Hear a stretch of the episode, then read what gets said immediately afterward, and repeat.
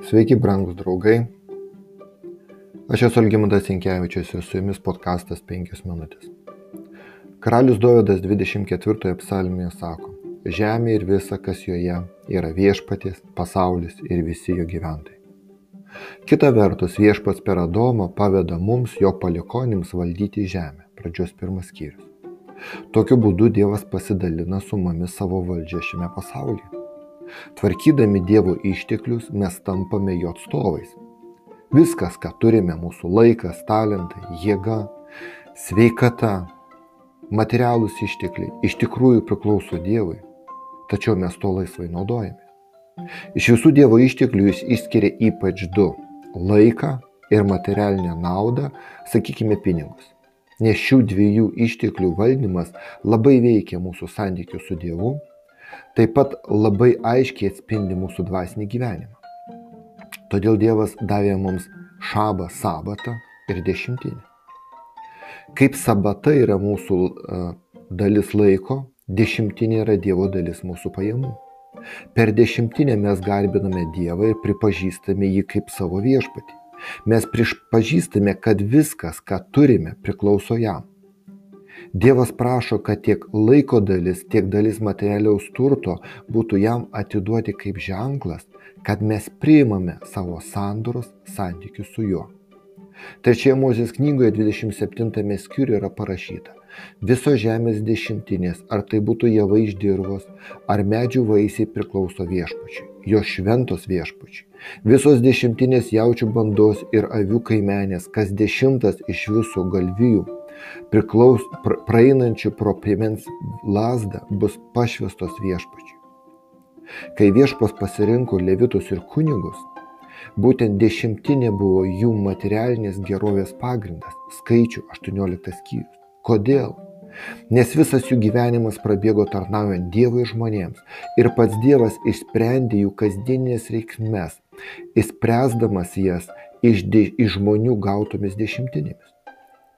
Levitams kabutėse mokėjo ne žmonės, o Dievas levitus palaimino iš to, ko palaimino visą savo tautą. Ko gero, teisiausia nuoroda į dešimtinį yra pranašo Michėjo knygoje. Visoje knyga yra išplėstas, jeigu taip galėtumėm pasakyti, dialogas tarp Dievo ir žmonių. Tam tikrų momentų jis, jie pasitraukė nuo jo ir Dievas jo šaukė atgal. Pasiklausykite, ką sako viešpats. Nuo pat savo protėvių dienų jūs atsitraukėte nuo mano įstatų ir nesilaikėte jų. Sugrįžkite pas mane ir aš pas jūs sugrįšiu, sako galybių viešpas. Bet jūs sakote, kaip mes grįšime? Ar gali žmogus apsukti Dievą? Tačiau mane jūs apsukate. Bet jūs klausite, kaip mes tave apsukame? Savo dešimtinėmis ir atnašomis Prakeikimą esate užsitraukę, nes mane apsukate. Visa jūsų gintis. Atneškite visą dešimtinę į sandėlį, kad būtų maisto mano namuose. Ir taip mane išmėginkite, sako galybių viešpats. Aš tikrai atidarysiu jums dangaus langus ir pilte apipilsiu jūs visą kerio palaimą. Malachio trečias skyrius. Dėl savo atsisakymo Dievo tauta negali mėgautis jo palaiminimais, o viešpats tvirtina, kad šios palaiminimus galima atkurti, bet tik žmonių ištikimybės kontekste. Ištikimybės, dešimt, ištikimybės dešimtinėje yra svarbi mūsų mokinystės ir garbinimo dalis. Dešimtinė yra šventa. Dievas ją paskelbė savo. Visgi, tai nereiškia, kad visa kita yra mūsų Kada mes gražiname jam 10 procentų to, ką jis mums davė, mes primename savo, kad viskas, kas yra mūsų piniginėje, priklauso jam. Visos mūsų lėšos turi būti išleistos taip, kad būtų garbinamas Dievas, o ne antraip.